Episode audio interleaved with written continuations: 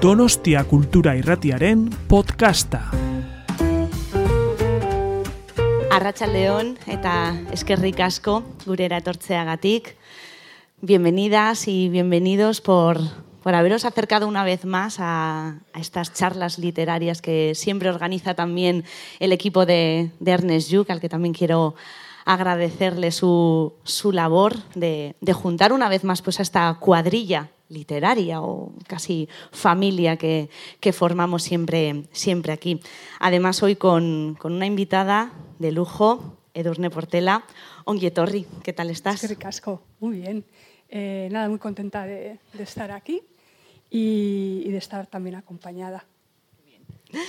Como os decía, hemos reunido a nuestra familia literaria para charlar un ratito con, con Edurne, pero para charlar con la excusa de hablar de los ojos cerrados. Supongo que algunas o algunos que espero que seáis muy fieles de Edurne sabréis que dentro de poco hay nueva publicación. De eso igual hablamos al final, pero vamos a, cerrar el ciclo de, de, los ojos cerrados.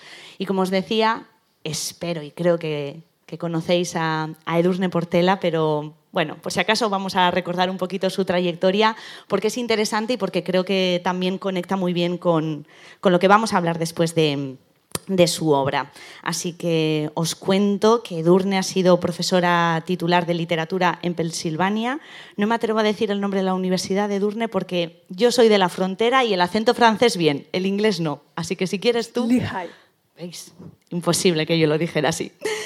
En su faceta académica ha publicado multitud de, artículos y la verdad que a Edurne hay que leerla siempre, así que espero que ahora al repasar sus títulos pues no se os haya escapado ninguno, pero si es así pues lo apuntáis y tenemos aquí a nuestro librero de confianza Adolfo, así que después pues vais a, por él. En el 2016 publicó el ensayo El eco de los disparos, cultura y memoria de la violencia.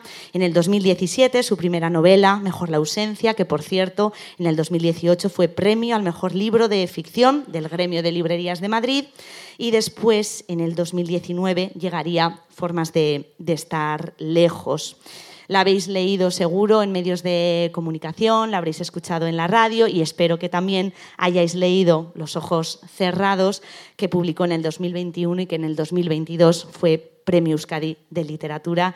Supongo, Edurne, que un premio especial porque viene de casa, un poquito. Sí, no, muy especial y me hizo, me hizo muchísima, muchísima ilusión porque, no sé, es como sentirte querida y apreciada en casa, ¿no? Eso de nadie es profeta en su tierra y además de repente te sientes profeta, ¿no? Y dices, qué, qué alegría.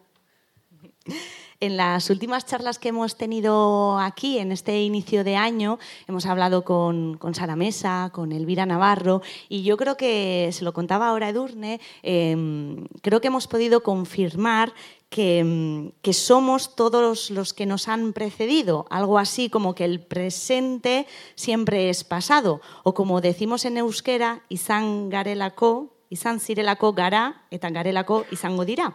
Pues eso es lo que, lo que venimos confirmando y yo creo que en la novela de, de Durne, en Los ojos cerrados, también vamos a, a, poder hablar de eso, ¿no? porque el linaje no es solo de, de, sangre, también heredamos historias, heredamos miedos, heredamos traumas, secretos, silencios y eso está también, o ese silencio atraviesa esta novela de, de Durne, aunque si conocéis su obra sabréis que, que Durne como nadie, trata la, violencia, que la violencia siempre está presente en, su obra y también está presente en los ojos cerrados, aunque yo si tuviera que apostar, apostaría por el silencio como protagonista de, esta, novela. Mm, para empezar a, a, hablar un poquito de, los ojos cerrados, si queréis podéis cerrar los ojos y escuchar y si no los mantenéis abiertos, pero os voy a presentar al primer, bueno, para mí el que es el protagonista, que es, que es Pedro. Dice así, a veces, a veces veo la cara de un viejo que no sé si es la mía o la de mi padre, pero la de mi padre no puede ser porque nunca fue viejo. Entonces pienso que igual es mi cara y alargo la mano y sí, me estoy mirando en un espejo. Ahora no, Ahora me estoy mirando en la cara de ellos. En cuanto me acerco y la miro a los ojos, a ella, como ahora, veo lo que hay detrás y no es una sonrisa. Siempre he podido hacer eso, ver lo que hay detrás de los ojos. Desde niño, cuando empecé a sufrir esto de cerrar los ojos mucho tiempo, he visto más que los demás. Veo incluso lo que hay detrás de los ojos de los muertos. Edurne, ¿cómo nace la voz de Pedro, esta voz tan poderosa? Pues em, la verdad es que eh, no siempre pasa así, ¿no? Porque hay novelas que, tienes que buscar mucho eh, hasta que encuentras la voz, ¿no? O las voces. En esta novela lo primero que me vino fue la voz. Fue la voz de, ese hombre cuando es ya anciano y de hecho esa primera escena, que tú has leído el final, es la primera escena que imaginé. Que, que es, este, bueno, es este hombre que ya parece que ha perdido un poquito algunas facultades, que tiene una visión extraña de la realidad, que tiene una forma de hablar también como un poco enigmática, un, poco opaca. Em, y no sé, fue, fue su, imagen también un poco destartalada ya, ¿no? Y, esa voz algo perdida, pero al mismo tiempo, eh, no sé, como con, muchos, con mucho contenido, con mucho secreto dentro que, mm, se me ocurrió. ¿no? De repente eh, me vino y dije, bueno, ¿quién es este hombre? ¿Por qué habla así? ¿Por qué mira así? ¿Por qué ve así? ¿Y qué hay detrás? ¿no? ¿Qué hay detrás también de, esos ojos que miran de esa manera? Y para, mí fue como una especie de misterio que se, me, que se me presentó y que quise explorar. Y empezó a crecer y empecé a imaginar y, bueno, empecé a, desarrollar el personaje, esta vez desde la voz, ¿no? que es en, otros, en, otros, en otras novelas eh, me ha pasado que, bueno, que más o menos he tenido la necesidad de indagar en un tema y demás, y la voz se ha ido configurando a partir de, de la creación de los personajes. ¿no? Pero en este caso es, es así.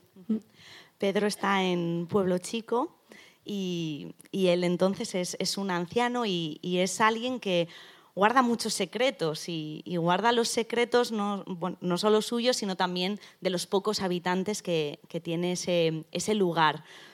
Por eso decía que, el silencio es también como, como el gran protagonista, ¿no? De, bueno, todo el mundo sabe cosas que no cuenta, todo el mundo sabe que no las cuenta, mm. pero está, está siempre, siempre ahí, ¿no? Sí, el, silencio está muy presente en la novela porque al final es una novela que trata sobre eh, la represión de la memoria. Y cuando una memoria se reprime, eh, bueno, se puede reprimir de dos formas. Por una parte, uno puede reprimir sus propias memorias porque ha sufrido un trauma y no es capaz de articular una memoria narrativa que sea capaz de contar ese pasado de una forma coherente, de una forma en la que puedas incluso abrazar el dolor de lo que te ha pasado y demás. Entonces, cuando, cuando ese mecanismo se produce, el silencio invade, invade tu, tu existencia. Y luego está la memoria que se reprime desde fuera, que es, es, algo también importante en la novela porque forma parte de la represión política del franquismo ¿no? y de la primera posguerra.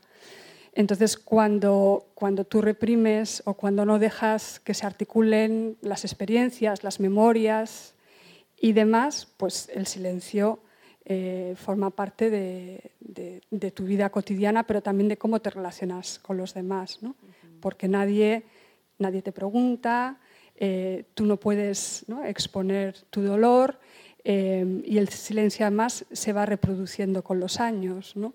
y al final pues queda esa capa de, tabú, de, que hay ciertas cosas de las que no se puede hablar. Entonces, bueno, es, algo que permea las relaciones íntimas ¿no? de la novela, pero también en un plano ya más alejado de la trama en sí, eh, pues el silencio al final permea toda, toda la narrativa.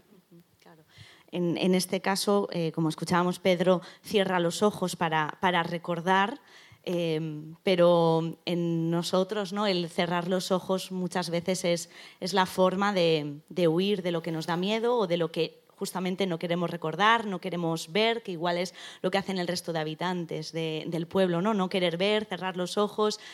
Mm, es que justamente cerrar los ojos puede ser como haciendo un poco referencia a uno de tus títulos, otra forma de silencio, otras formas de silencio pueden ser cerrar los ojos, ¿no? como no querer recordar o, o no hablar de esa memoria. Claro, es que cerrar los ojos cuando algo eh, también mm, pensando, mm, muchas veces se te ocurre un título y dices, ¿por qué se me ha ocurrido? ¿no? Y luego ves que claramente está, está en, todo lo que, en todo lo que has escrito en la novela.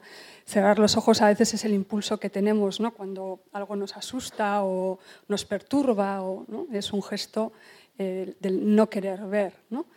Eh, pero también a veces cerrar los ojos es necesario para, para, para sobrevivir en muchas ocasiones. ¿no? Es decir, no estar constantemente expuestos eh, al dolor, a, las cosas que nos pueden perturbar, em, cerrar los ojos como un mecanismo de defensa. Eh, también cerrar los ojos, como en el caso de Pedro, eh, para verse. ¿no? O sea, no solo recordar de una forma, como decía antes, ¿no? narrativa, pausada, coherente, sino también para verse en todo, en todo su caos, ¿no? desde, desde, desde, que es un niño, ¿no? en, toda esa violencia que ha sufrido y que también ha reproducido. O sea, es, yo es que me lo imaginaba, ¿no? cerrando los ojos y cayendo en ese abismo interior que, que a mí como personaje, indagando en él como personaje, me parecía casi insondable. ¿no?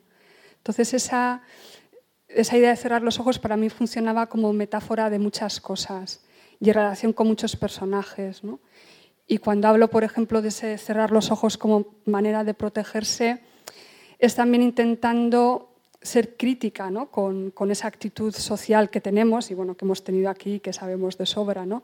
del no querer ver para no sentir demasiado, también para no involucrarnos demasiado.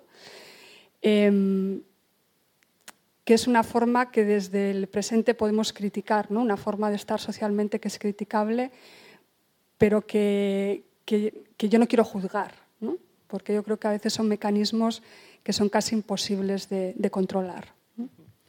Como decías, eh, Pedro no está solo en la novela, aunque tiene una voz eh, muy poderosa.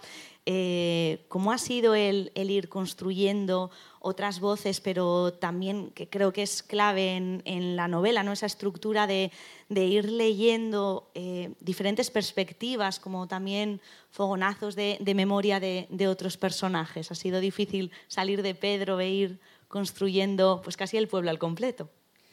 Sí, es que la historia me lo iba pidiendo, ¿no? Al principio dije, bueno, pues voy a desarrollar este personaje, el de Pedro, y estaba como muy metida en él, pero luego la historia me iba pidiendo desarrollar otras, otras perspectivas. ¿no? Y ahí es donde entra, pues entra Adela, entra Teresa, entran estas mujeres que para mí también eh, es muy importante, ¿no? lo que viven y cómo lo viven y su, su perspectiva. Entonces, era ir, eh, pues como dices tú, ¿no? construyendo el pueblo a través de, los diferentes personajes, sus perspectivas.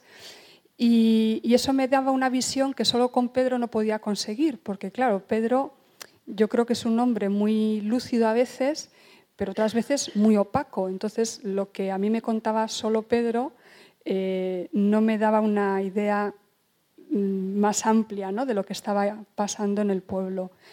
Entonces eh, me iban surgiendo estas voces que también me atraían mucho y, me lo pasaba muy bien también, ¿no? Eh, mirando desde, desde esos enfoques ¿no? diferentes, yendo cambiando ¿no? el ángulo. Eh, viendo la historia de diferentes perspectivas. Lo complicado fue después armar la novela para que fluyera la lectura, para que no fuera complicada y engorrosa de leer. Entonces ahí, o sea, no me, costó tanto salir y divertirme y, pasear por, estas otras perspectivas, pero luego sí fue mucho trabajo la estructura con todos los, los saltos temporales también, hacerlo de forma que fluyera, fluyera bien. Otra voz importante, otra perspectiva eh, importante es la de Ariadna, que es eh, una mujer que, llega a este pueblo, a pueblo chico, y ella, sin embargo, llega, yo creo, como queriendo abrir los ojos o, bueno, recomponer esa memoria fragmentada que le ha dejado su padre, ¿no? Por eso eh, que os hablaba al principio, ¿no? De que somos lo que han sido eh, nuestros anteriores y ella lo que quiere es abrir los ojos y es ella la que va, pues un poco, ¿no? Eh, haciendo el puzzle de ese misterio, tal vez que imaginaste al principio, Edurneo. Sí, es curioso porque yo no sabía muy bien quién era Ariadna y qué pintaba ahí. Em, y fui descubriéndola poco a poco según también iba avanzando el personaje de, Pedro, cuando Pedro estaba muy avanzado. Entonces hubo un momento que, que, ya me empecé a enfocar más en ella y en por qué estaba en el pueblo, ¿no? Porque a Pedro le había pasado lo que le había pasado, no importaba quién era Ariadna o no para él. ¿no? Entonces, em, es verdad que ella se convierte en una parte fundamental también desde, una, perspectiva, podemos decir, externa a la trama, como reflexión sobre, sobre lo que decías tú, ¿no? que nos configura. Y en contraste con Pedro, que es una persona que tiene eso, muchas memorias traumáticas, ¿no? como la muerte de los padres, que es algo que se cuenta al principio de la novela, no, no destripo nada, ¿verdad? Em, pero es algo a lo que él se aferra, pero, pero desconoce, ¿no? porque sabe, pero no llega a saber del todo. Entonces, bueno, hay ahí unos vacíos eh, muy grandes que va a ser incapaz de reconstruir. cambio, Ariadna tiene también ¿no? vacíos de memoria porque se da cuenta que en el relato de la, vida del padre hay muchas cosas que no, cuajan y que las respuestas pueden estar en ese pueblo. Entonces, también es una reflexión sobre, sobre cómo nos construimos, o sea, cómo construimos nuestra identidad y hasta qué punto depende de, de qué tipo de memoria tenemos. ¿no? Si es una memoria sana, si es una memoria más o menos completa dentro de las limitaciones que tenemos como, como, personas que recuerdan o personas que heredan memorias, eh, pero también qué pasa cuando esa memoria está enferma o enferma, qué hacemos con eso. Y ahí el personaje de Ariadna, claro, también está en una edad, como cincuenta y pocos años, en la que eh, ella necesita reconstruir para reubicarse en el mundo de alguna manera y piensa que las respuestas están en el pasado de su padre, no tanto en el suyo. Que eso a mí también me parecía bueno, interesante para explorar. Mucho, porque además, em, no sé si, si, te habrá sucedido, pero mm, me pasaba en la relectura que por eso de, heredar eh, violencias o traumas o miedos, lo que hablábamos, también eh, me acordaba mucho de mm, eh, Pequeñas Mujeres Rojas de, Marta, Sanz. Sí, por, no sé, a veces por ese miedo también que tenemos, ¿no? Y preferimos cerrar los ojos y a lo mejor no preguntar a nuestras abuelas, a nuestros padres de, qué pasó, ¿no? De, dónde venimos, aunque sea una historia que pueda ser que no nos guste, ¿no? Sí, con la novela de Marta dialoga muy bien, mm. Los ojos cerrados. De hecho, en, alguna ocasión hemos, hemos hablado públicamente de, esas, eh, de esa relación, ¿no? De las dos novelas. Y claro, en el caso de, Marta eh, también hay una, bueno, una mujer que va a un pueblo también como Sara Mesa en un amor, bueno, ahí hay unas cuantas conexiones, ¿no? Em, pero bueno, en el caso de Pequeñas Mujeres Rojas está más relacionado porque también hay una indagación en su caso eh, que es forense, ¿no? o sea, de, abrir fosas ¿no? y, y escarbar en ellas y encontrar ¿no? ahí las verdades que oculta y las miserias que oculta, las violencias que oculta ese pueblo. ¿no? Entonces, es una indagación también eh, sobre la memoria, sobre qué hacemos con ella y sobre cómo el presente está permeado ¿no? de, de, esas memorias y a veces en el presente reproducimos violencias del pasado para intentar todavía reprimir esa, esa historia y esa memoria. Claro, aquí la, guerra civil es, está como telón de fondo. Es cierto que, la vamos intuyendo, ¿no? porque no es una novela sobre la guerra civil eh, para nada, pero sí que se va viendo cómo tal vez el, espacio más seguro para la memoria sea ese entre el presente y el pasado, ¿no? el ver cómo, cómo se unen o nos enfrentamos a, a esas herencias Edurne, porque aquí es verdad que, que, poco a poco, ¿no? aunque va doliendo, sí que con Ariadna se va estrechando el círculo para reencontrarse, o al menos ella, aunque tiene al lado a Eloy, que es su pareja con la que aparece en el pueblo, y, y Eloy sí que es alguien de mantener los ojos cerrados y, y, y para qué seguimos mirando, pero ese espacio ¿no? entre el pasado y el presente, unirlos, es el, el único espacio posible para igual sanar un poco. Sí, yo creo que eh, ahí la tarea eh, que queda por hacer en ese contexto y, en, y, por ejemplo, aquí en nuestro contexto, yo creo que también es la tarea de la escucha, ¿no? de la escucha y el reconocimiento. O sea, uno de los principales problemas de Pedro o uno de sus grandes dolores es que ni siquiera nadie le ha, le ha preguntado ¿no? qué le ha pasado, nadie le ha contado, nadie le ha escuchado. Es decir, la soledad de la víctima al final se sigue reproduciendo si no encuentra un interlocutor. Y yo creo que, que, haciendo política de memoria, hablando sobre memoria, escribiendo sobre memoria, lo que hacemos es crear espacios de interlocución, espacios de recuperación de historias que, que se han perdido, que se han olvidado o que se han reprimido. ¿no? Entonces, cuando se defiende este discurso de, bueno, es que remover las heridas, es que es volver a hablar de estos temas tan dolorosos, es que eh, esa historia nos configura y somos herederos de esa historia. Entonces, es, yo creo que es, o sea, es una labor eh, que cualquier sociedad sana debería, debería hacer sin tensiones, ¿no? o, sea, o, con las tensiones normales y, que son hasta necesarias ¿no? para que el debate sea vivo y sea activo. Pero yo creo que es la única manera de eso, de crear sociedades en, en, las que el pasado no suponga una constante fuente de conflicto, ¿no? de conflicto radical, o sea, porque conflicto siempre va a haber, porque hay relatos eh, que no concuerdan, porque hay relatos que se enfrentan los unos a los otros, pero por lo menos eso hay un debate público. Y justo ahí también supongo que qué interesante es el, el, ejercicio de entender la violencia, ¿no? que como decía al principio, es verdad que en tu obra está ahí justo ese ejercicio de, de querer entenderla, ¿no? porque al final, no sé, la violencia es, es inevitable. Sí.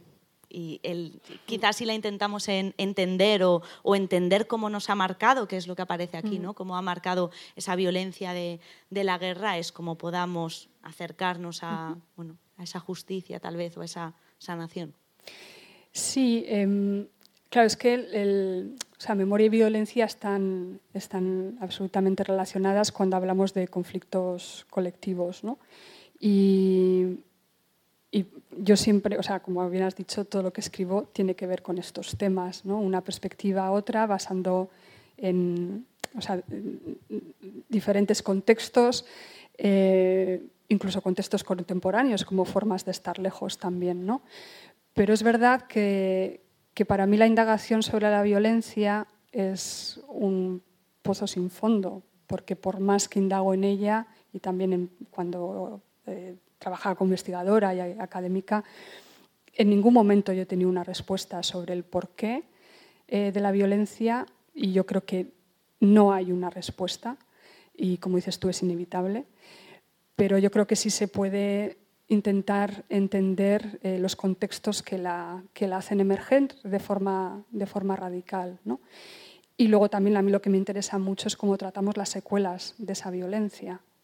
Entonces, ahí cuando, cuando hablamos de una violencia que se ha producido en, en, un contexto social o en un contexto más íntimo, podemos decir, como en formas de estar lejos, estamos hablando de una violencia que se ha producido. Entonces ahí inmediatamente estamos hablando de, la, bueno, de una configuración eh, que es muy compleja, que es la relación entre memoria y, y violencia. ¿no? Y como la memoria depende cómo se trata o cómo se trate, puede ahondar ¿no? en la herida, hacerla más profunda o puede, como decías tú antes, intentar sanarla de alguna manera, aunque siempre queda la cicatriz. ¿no? La cicatriz está ahí y a veces la cicatriz pica, aunque esté cerrada, ¿no? pero bueno, que haya cicatriz, por lo menos. Por llevar la, la violencia a lo literario, si me permites, leo otro trocito, ¿vale? Y después te, te pregunto. Mirad. Sigo bajando hacia el río, escondiéndome de árbol en árbol, hasta que llego al último tronco. Ahora al pedregal. Oigo voces. Me acurruco detrás de la piedra del buitre. Ahí están, al lado del río, en el pedregal. Hombres uniformados de pie, hombres tumbados boca abajo sin uniforme. Hay sangre oscura sobre las piedras blancas. Un hombre uniformado con una pistola en mano apunta a cada hombre tumbado sin uniforme boca abajo. ¡Pa! La cabeza rebota. El hombre de la pistola pregunta dónde está. Ninguno se mueve. ¡Pa! La cabeza rebota. El hombre de la pistola pregunta dónde está. Ninguno se mueve. ¡Pa! La cabeza rebota. El hombre de la pistola pregunta dónde está. El hombre tumbado hace un gesto con la cabeza. El hombre de la pistola se acuclilla a su lado. El hombre tumbado le dice algo al oído. El hombre de la pistola se incorpora. ¡Pa! La cabeza rebota. ¿Cómo es, Edurne, escribir la violencia? El fragmento que has leído es, Pedro de niño. Eh, siendo testigo de, eso, de, esos asesinatos a sangre fría. Y es, una pregunta muy compleja, porque yo me tengo que imaginar siendo Pedro de niño y siendo testigo de eso, y cómo él eh, en ese momento está digiriendo esa escena. Y es, es, muy difícil porque siempre tengo que estar eh, calibrando cuánta violencia estoy dispuesta a poner sobre el papel y hasta qué punto esa violencia es necesaria y hasta qué punto yo quiero ejercer esa violencia contra el lector o la lectora. Entonces, em, cuando lo estoy escribiendo, yo no me pongo, no me pongo límites. Pero después, cuando me corrijo, sí y me cuestiono constantemente, eh, un poco más o un poco menos. Y en ese un poco más, un poco menos está la línea entre pornografía de la violencia o ñoñería. Eh, porque puedes intentar eh, mostrar la violencia y, bueno, puedes hacerlo de una manera tan alambicada, tan eufemística, tan adornada, para que igual no duela o para hacerla poética y al final no estás escribiendo sobre violencia, estás haciendo otra cosa. Puedes cebarte tanto contra el lector que ya pasas a, esa, bueno, a ese plano ya pornográfico y eh, creas una distancia, ¿no? y, ya lo que estás intentando hacer, que es eh, hacer reflexionar eh, incluso sentir ¿no? de alguna manera esa violencia, pero que lleve una reflexión, que no lleve solo a, una sensación. Que claro, te puedes pasar de rosca y perderlo. ¿no? Entonces, yo creo que es, muy difícil ¿no? y hay una línea muy sutil entre caer de un lado o de otro y mantenerte ahí, pues eh, hay que intentarlo y a veces funciona, a veces no, pero, pero yo creo que al final es un ejercicio sobre todo ético. ¿no? Decir, bueno, estoy escribiendo aquí bonito, estoy escribiendo eh, para provocar, eh, para, qué estoy escribiendo esto ¿no? y por qué? Elegido este, este momento porque me parecía que, está magníficamente escrita esa, esa, violencia, pero también por lo que decías, ¿no?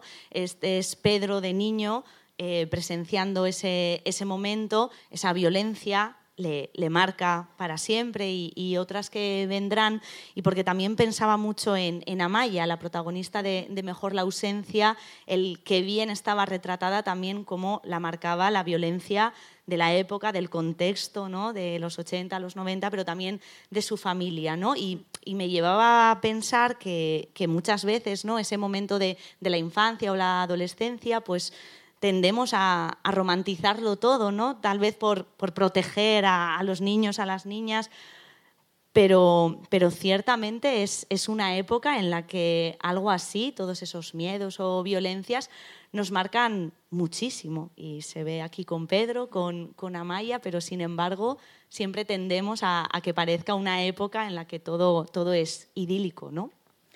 Sí, em, tenemos que hacerlo y yo no sé por qué, porque yo no conozco mucha gente que haya tenido adolescencias absolutamente felices. Bueno, infancias, pues también la memoria a veces eh, blanquea o adorna ¿no? muchas veces la infancia y, y, bueno, la presentamos de una manera que realmente no fue, pero la adolescencia, yo de verdad no conozco a mucha gente que diga que ha tenido adolescencias maravillosas.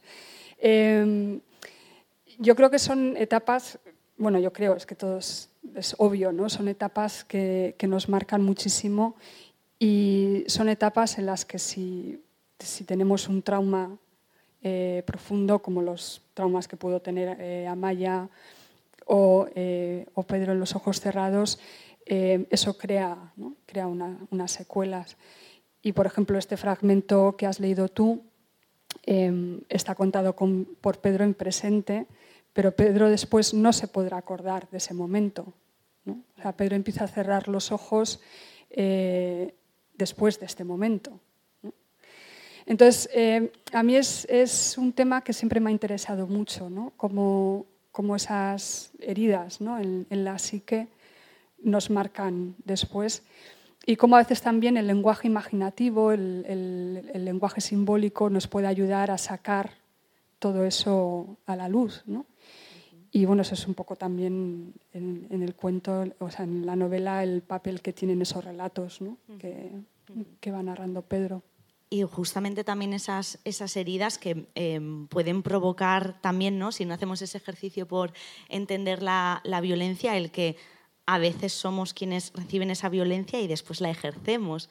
Y esto también es muy interesante en, en los ojos cerrados, ¿no? Edurne, ¿te interesa también el, no sé si decirlo como, ¿dónde están los límites de la venganza? Porque a veces la violencia siempre trae consigo también de la mano la venganza. Sí, es que también como esto pasa un poco como con la infancia y la adolescencia, ¿no? que pensamos que, que la víctima, por ser víctima, es un ser de luz ¿no? y que no puede hacer nada mal. Bueno, la víctima es una persona que ha sufrido un daño irreparable, eso desde luego. Pero eso no significa que una víctima, como puede ser Pedro, no sea capaz de una violencia igual o mayor. ¿Es eso venganza? No lo sé. ¿Es justicia? No me atrevería a decirlo. pero pero es, algo que podemos esperar de una víctima. ¿Por qué no? Y no estoy justificando que la violencia, y mucho menos ¿no? Eh, estando donde estamos. Eh, sería un insulto hasta casa. Eh, no estoy justificando que la violencia sea la única respuesta a la violencia, pero sí considero que es posible que una víctima pueda actuar con violencia. Y eso está en el, bueno, en, en, el espectro de lo posible. Y yo quería, quería indagar pues, hasta qué punto una víctima se puede convertir en un verdugo. Y ver también eh, hasta qué punto em, tú como lectora reaccionas a esa violencia. ¿no? O sea, qué puede causar en ti después de haber creado una empatía igual ¿no? con ese niño, con ese, con ese adolescente que va creciendo en esas condiciones cuando actúa como actúa. Es algo, es, una puerta a la reflexión. Una reflexión que, también te, puede llevar ¿no? en ese entender pues, si la víctima es un ser de luz, ¿no? El, además traerlo muy a, hoy en día, ¿no? esa falta de comprensión que tenemos a veces con las personas de nuestro alrededor, lo que nos lleva a la, marginación, eso también está, está muy presente, ¿no? porque Pueblo Chico es muy chico, hay muy pocas personas y, a veces para ser tan pocas no, no se entienden y, enseguida por ese cerrar los ojos pues acaba alguien encerrado solo en, en su casa y bueno, tampoco estamos tan lejos de, de, ese pueblo chico, ¿no? Podría ser cualquier lugar, pueblo chico. Yo creo que sí, que podría ser cualquier lugar, cualquier pueblo, cualquier barrio, porque al final la actitud esa de, bueno, de arrinconar a la víctima también lo hemos vivido aquí, eh, de hacer de la víctima una, bueno, una persona que por su mera cercanía puede contagiarte, ¿no? igual convertirte a ti también en, en víctima. Entonces, eh, si te acercas demasiado, si empatizas, si intentas ayudar, pues igual la acabas pagando tú también por ello. ¿no? Entonces, casi mejor crear esa distancia. Eso en el caso, podemos decir, más amable, ¿no? porque también eh, en la novela, yo creo que en, contextos sociales en los que ha habido una violencia radical, es muy probable que las personas que salgan vencedoras, eh, con ciertos privilegios, con cierto poder, usen ese poder para arrinconar a aquellos que pueden señalarles y que pueden, eh, que pueden identificarles por lo que son. Entonces, yo creo que son ese, tipo de actitudes, no sé, a mí siempre me han interesado. Y, yo creo que hay muchos contextos sociales, incluso contextos imaginativos, que no tiene por qué ser basado en una historia concreta como, como los ojos cerrados. Yo creo que eso se da y que es digno de explorar. Y tanto que además em, se ve en los ojos cerrados el, cómo a lo mejor también eh, lo verdaderamente sanador pueden ser esos cuidados colectivos, la solidaridad, ¿no? la empatía que a veces se puede dar ¿no? en un pueblo chico o también en, en un barrio, ¿no? que es todo lo contrario a esa marginación de la que estábamos hablando, pueden ser como esos toques de luz en, la novela y, en la historia de, Pedro, de Ariadna y de, bueno, de todo el, pueblo en general. Sí, me alegra que lo digas porque, claro, parece que todo es súper oscuro y tal, pero no, hay también hay mucha ternura, no hay hay relaciones que están basadas realmente en, afectos muy profundos, ¿no? o sea, en, amor. Y, aquí, recordando a Sara Mesa ¿no? y la familia, eh, son relaciones que son extrafamiliares, ¿no? que son vínculos afectivos que se van formando eh, pues, pues a veces por necesidad, pero que de esa necesidad surge un, cariño como puede ser, o un amor, como puede ser la relación entre, entre Andresito y, Pedro, que es, al final pues son dos amigos eh, que son, no sé, como más que hermanos y que hay un amor muy profundo. ¿no? Y tanto ya que estamos hablando de, lo colectivo, ya sabéis que, nos gusta que estas charlas también sean participativas, así que, bueno, yo podría estar preguntando a Edurne, creo que hasta altas horas de la noche, no lo vamos a hacer tanto, pero os animo a que si queréis preguntar algo, comentarle cualquier cuestión, pues que, hay un micrófono para vosotras y vosotros también. Eta euskera zer egin nahi badezuteba, nik itzuliko dut edo, saiatuko gera. Eskerrik asko eta arratsaldean lenda bizi. Eh, en, en, el eco de los disparos, y, y, corrígeme si no es exactamente así, porque lo tengo en la memoria, pero, pero no apuntado en ningún sitio, recuerdo una frase eh, que no sé si me marcó o me gustó, o a partes iguales, que dice algo así como que en Euskadi unos mataban y otros no decíamos nada.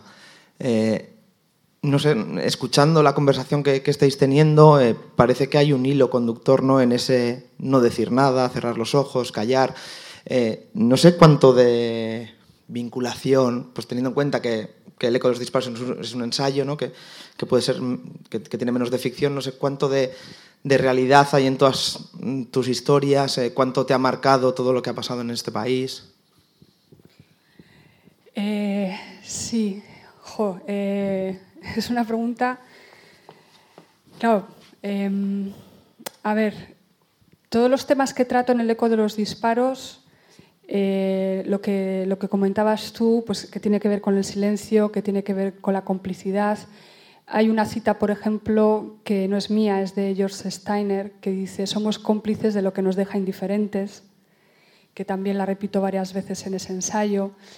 Em, yo creo que haber crecido aquí, y no sé si estaréis de acuerdo conmigo, ¿no? Eh, yo creo que eso nos marca mucho, lo, que, lo que aquí vivimos eh, como testigos, la mayoría, algunos testigos indiferentes, algunos testigos más vinculados, eh, como víctimas, parte de la sociedad, claro, no, no todos fuimos víctimas, la mayoría fuimos testigos, pero incluso los que nos mantuvimos al margen, que, o las que vimos eh, esto desde la barrera, em, yo creo que, a nada que tengas un poquito de conciencia, eh, sobre todo ahora cuando miramos atrás, tenemos que plantearnos ¿no? ¿cómo, ¿cómo, vivimos aquellos años con todo esto que pasó aquí. Entonces, a mí em, esa, la actitud social que tuvimos en general, y yo ahí intento hacer mi trabajo de autocrítica, yo creo que me, hizo pensar muchas cosas relacionadas con eh, las actitudes que tomamos ante la violencia cuando la violencia está presente a nuestro alrededor. Y yo creo que eso trasladado eh, a cualquier contexto, o yo creo que eso se puede trasladar a cualquier contexto. O sea, no, no quiero decir que, por ejemplo, la España de los años, digo la España, el Estado, lo que pasaba en el Estado en general en los años 40 sea comparable a lo que pasaba en Euskadi en los años 80. O sea, son realidades muy diferentes. Pero hay algo, las actitudes sociales, eh, que a mí me llama mucho la atención que se repiten. Por ejemplo, los últimos dos años he estado leyendo mucho sobre colaboracionismo, eh, en Francia o en la Europa ocupada por los nazis, sobre, bueno, sobre todos esos años. Ahí también eh, veo actitudes sociales que podría comparar con actitudes sociales que tuvimos aquí. El señalamiento, el cerrar los ojos, el mirar hacia otro lado, la marginación de la víctima, la, culpabilización eh, de la víctima, el victimismo comparativo. entonces, son temas que veo que son recurrentes, que igual estoy más atenta a ellos por lo que vivimos aquí, y que a veces cuento otras historias porque me ayudan a pensar en lo que, en lo que aquí pasó y en nuestras actitudes sociales. Luego, ¿cuánto de, real o de... Sí, cuánto de real hay en, estas historias que escribo? Pues en las tres últimas novelas pues es mejor la ausencia, por ejemplo, que tenía que ver con los años, sobre todo años 80, 90 y sobre todo en, la margen izquierda, ¿no? está muy localizado en, esa zona y la conflictividad social que había ahí, pues tiene mucho de, memoria social, eh, poco de autobiografía, aunque esté contada en primera persona, pero hay mucho de, también de esa memoria afectiva yo creo que, fueron años tan intensos que, queda mucha afectividad ahí como enquistada, que, nos, que nos lleva, yo creo que, por lo menos a mí, a nada que empiezo a desarrollar una historia como fue, fue aquella, me lleva a volver a sentir muchas cosas que sentíamos en aquellos años, que tienen, para mí tiene que ver mucho con la asfixia, el no entender. Eh, el querer huir y al mismo tiempo sentirme culpable por esa huida. hay un montón de, sentimientos que afloran cuando, cuando me pongo a escribir, muchas veces ficción, ¿eh? pero, pero de alguna manera me remite a, todo aquello. Y en los ojos cerrados, claro, está más basado, eh, o la gente enseguida lo relaciona pues, con el contexto más nacional, ¿no? pero yo creo que es una novela que se podría extrapolar a un pueblo en la posguerra en cualquier país de posguerra. Por, por, eso que te digo que creo que hay ciertas actitudes que se repiten en, en, este tipo de contextos. Te hago una respuesta larguísima y no sé si te he contestado. Has dejado cao. y no sé, es que no, no, no, sé si he acabado de contestarte, pero bueno, eh, si alguien quiere hacer una repregunta o, o algo relacionado. Eh. Me ha gustado mucho lo de la memoria afectiva y es que justamente además eh, yo creo que al menos al leer los ojos cerrados, no sé si te lo habrán contado otras lectoras o lectores, pero yo tanto la primera vez como, como la segunda he sentido ganas de preguntar a mi alrededor. Yo ya no puedo preguntar a, mis abuelas ni, ni, a mis abuelos, pero, pero qué pena no, no haberles preguntado, porque aquí justamente eh, tenía un momento en el que eh, dices, a Ariadna no le importaría que se le apareciera algún fantasma de esos que habitan la sierra, los desaparecidos de antaño, y le explicaran unas cuantas cosas que ella, por muchas vueltas que le dé, no consigue entender. Yo también pienso muchas veces, pues ojalá se apareciera mi abuela y me contara qué es lo que sentía en ese momento, qué es lo que pasaba. Tú esta novela eh, le agradeces a tu padre y a tu madre también, es porque ha habido ese, ejercicio de, preguntarles, de, saber, de buscar esa memoria afectiva también? Sí, al final agradezco a mi padre. Eh, mi padre es de un pequeño pueblo de Lugo, también pues, tipo pueblo chico. Eh, entonces, durante la pandemia yo le iba preguntando cosas de su infancia, ¿no? pues de la escuela, cómo le daban clases y demás. Y, y allí entró mucho la memoria afectiva de, de mi padre. ¿no? Eh, que claro, mi padre es mucho más joven, bueno, mucho más joven no, pero es más joven que, Pedro, nació en el 40, o sea que, pero bueno, eh, había ahí eh, esa memoria que, me interesaba. Y luego, claro, yo me, acordé mucho de mi abuela, aunque me he acordado más escribiendo la última, o sea, la novela que se va a publicar ahora. Pero bueno, me acordé mucho de, de mi abuela y de las historias que me contaba ella. ¿no? De cuando entraron los fascistas en Santurce y se fue corriendo por el monte Serantes y oía las balas. Además, a ella le encantaban las películas de vaqueros. Entonces, siempre decía, y me pasaban las balas como las películas. Y que iba corriendo por, por el monte con una niña, nada, con un bebé en brazos y otra de la mano. ¿no? Entonces, bueno, sí hay... Em, yo creo que esas, esas voces eh, resuenan, resuenan en la escritura y sí me ha pasado que, muchas lectoras, sobre todo lectoras tengo que decir, más que lectores, pero me ha pasado que, me decían, ¿no? Pues es que me han entrado ganas de preguntar a mi madre, sobre todo eh, jóvenes, ¿no? lectoras más jóvenes, a mi madre a ver si tiene todavía alguna historia de mi abuela o de mi bisabuela. Entonces, sí, es como una invitación a la memoria, ¿no? y eso a mí me hace mucha ilusión, porque al final yo creo que también a través de la ficción se pueden despertar muchas conversaciones. ¿no? Y si esa es una de ellas, pues sería muy bonito, claro. Claro, es que es fundamental, ¿no? Saber sobre esas personas que, que te han querido, has querido o, quieres, ¿no? Lo que pasa que, claro, esa generación, yo me acuerdo de mi abuela, ella empezó a contar estas historias cuando ya era muy mayor, porque durante muchísimos años no quiso decir nada. O sea, yo me enteré que mi abuelo había sido Udari, pero tardísimo, y que había estado huido y que no sé qué, porque nadie hablaba de ello en casa, ¿no? Y yo, claro, eh, preguntaba y tenía como tres o cuatro historias que siempre contaba, pero de ahí no, no era incapaz de salir. ¿no? Es muy interesante eh, lo de la memoria, además con, con Elvira Navarro lo hablábamos, ¿no? de la memoria de, de, lo que te han contado, de lo que has vivido, de ya lo que has, como has dicho antes, a veces lo dulcificamos o, o, lo recordamos todavía peor de lo que fue, ¿no? entonces es muy interesante cómo, cómo se va colocando, ¿no? porque a mí con mi abuela me pasaba que me contaba la misma historia, pero de distintas maneras. Y a mí no me importaba, porque realmente era siempre distinto y era, no sé. Sí, lo que querías era escucharle contar, ¿no? Que también el arte de la narración, ¿no? De contar esas historias, yo creo que hay ahí... Eh, también había en esa generación, no sé, como una gracia especial en la oralidad, ¿no? Y luego también la conciencia de que la memoria es política, ¿no? O sea, si yo quiero reivindicar la memoria de mi abuela, eh, y me la quiero imaginar corriendo por el monte, me la voy a imaginar huyendo de los fascistas, no huyendo de cualquiera. ¿no? Entonces, bueno, hay también una dimensión política en la memoria que yo creo que es fundamental ¿no? y que para mí, por lo menos, en lo que escribo es fundamental. ¿Alguna pregunta más? Ahí atrás, muy bien. A ver, Caso eh, Edurne, a ver, una, sí, una pregunta.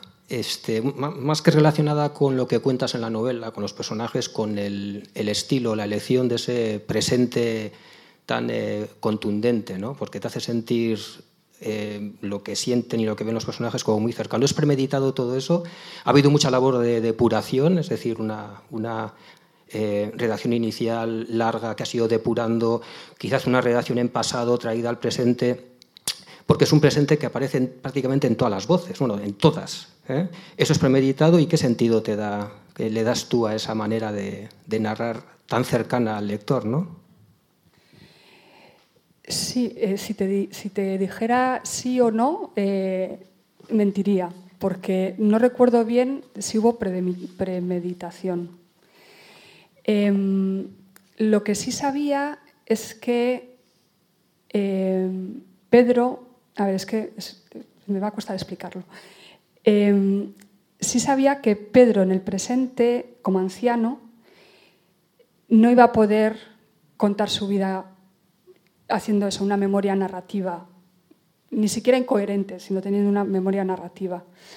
Entonces, em, yo cuando me lo empecé a imaginar, me lo tenía que imaginar en su presente, en esas diferentes etapas de la vida, y narrarlo desde ahí.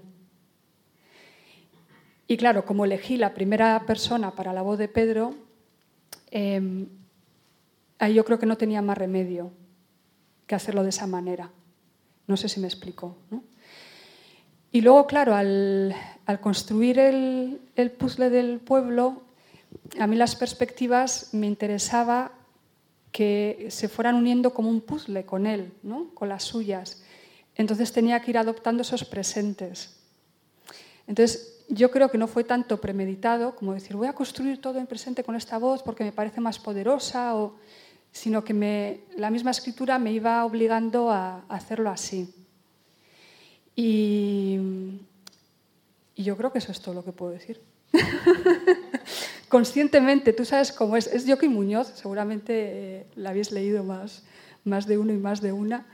Eh, ya sabes cómo es, ¿no? Que a veces, lo que decía antes también, ¿no? Que, que a veces eh, pruebas mil voces, ¿no? Mil, mil, tonos, mil timbres, ¿no? Hasta que de repente te suena y dices, ah, este es, ¿no? Pero otras veces es que no tienes más remedio que hablar desde ahí, ¿no? Y eso me ha pasado un poco con, con, la novela que voy a publicar ahora. Tenía que ser una voz en primera persona y tenía que ser también su presente eh, y acompañarla a ella, como hice también con Mejor la ausencia, aunque sean voces muy diferentes. ¿no? Pero hay veces que yo creo que esa perspectiva, depende de lo que quieras contar, ¿no? pero a veces la perspectiva se te impone y el, y el tono y también el tiempo, ¿no? porque también el tiempo marca el tempo ¿no? y el ritmo de la novela y en este caso tenía que ser, tenía que ser así. Aunque yo creo que el tempo de los ojos cerrados, a pesar de eso, es mucho... O sea, hay mucha pausa, ¿no? También con esos cuentos, ¿no? que van rompiendo la, el ritmo de la narrativa. ¿Más preguntas? O si queréis un comentario porque le queréis decir algo bueno a Edurne también, ¿eh? Solo bueno, ¿eh? Malo no.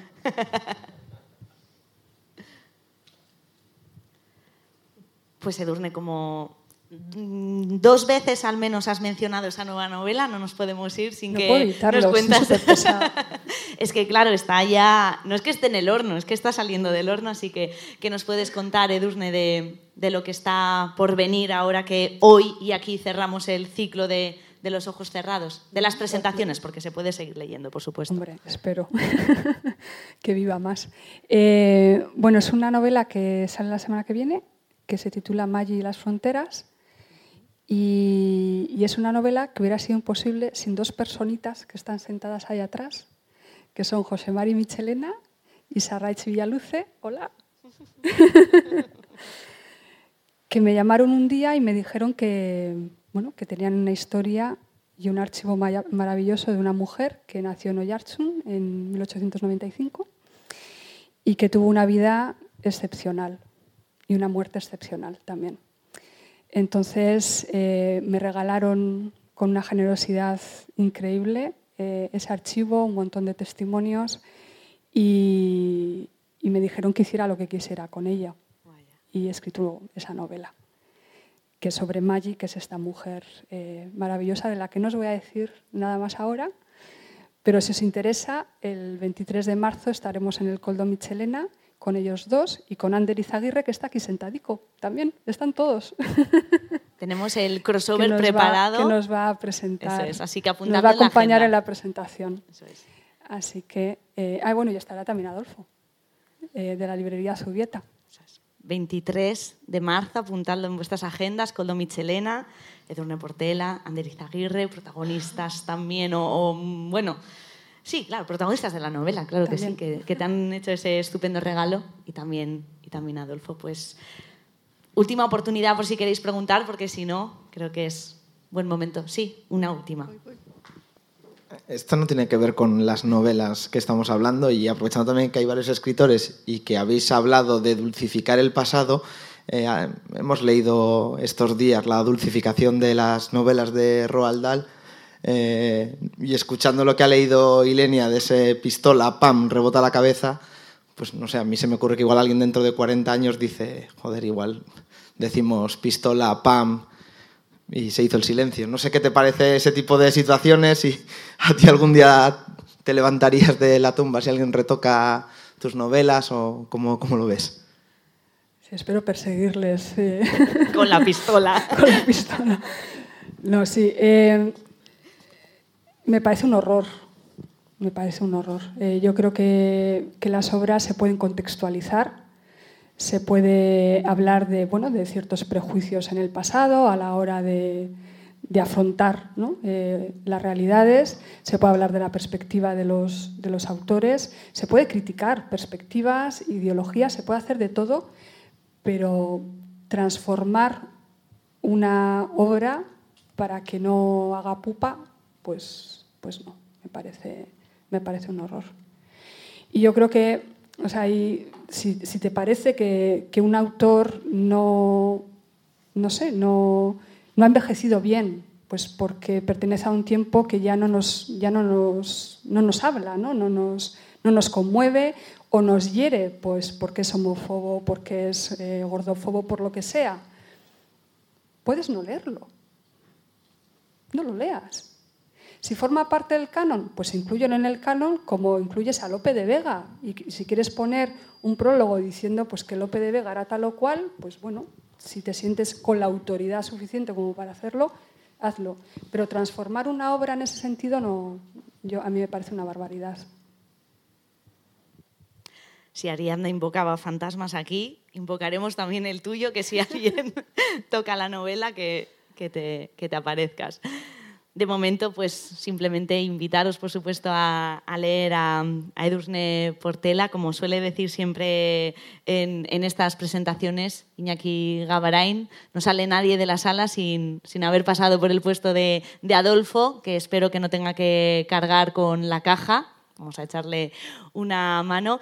Y Edurne, como está casi ahí esa cita del, 23 de, marzo, pues no te vamos a decir agur, te vamos a decir que Laster Arte, que eso es, Gero Arte, y que te vemos prontito por aquí con muchas ganas de, leer lo nuevo. Gracias, gracias Silvia, muchísimas gracias. Qué ricasco, Edurne. Soy eres, qué ricasco. Qué ricasco.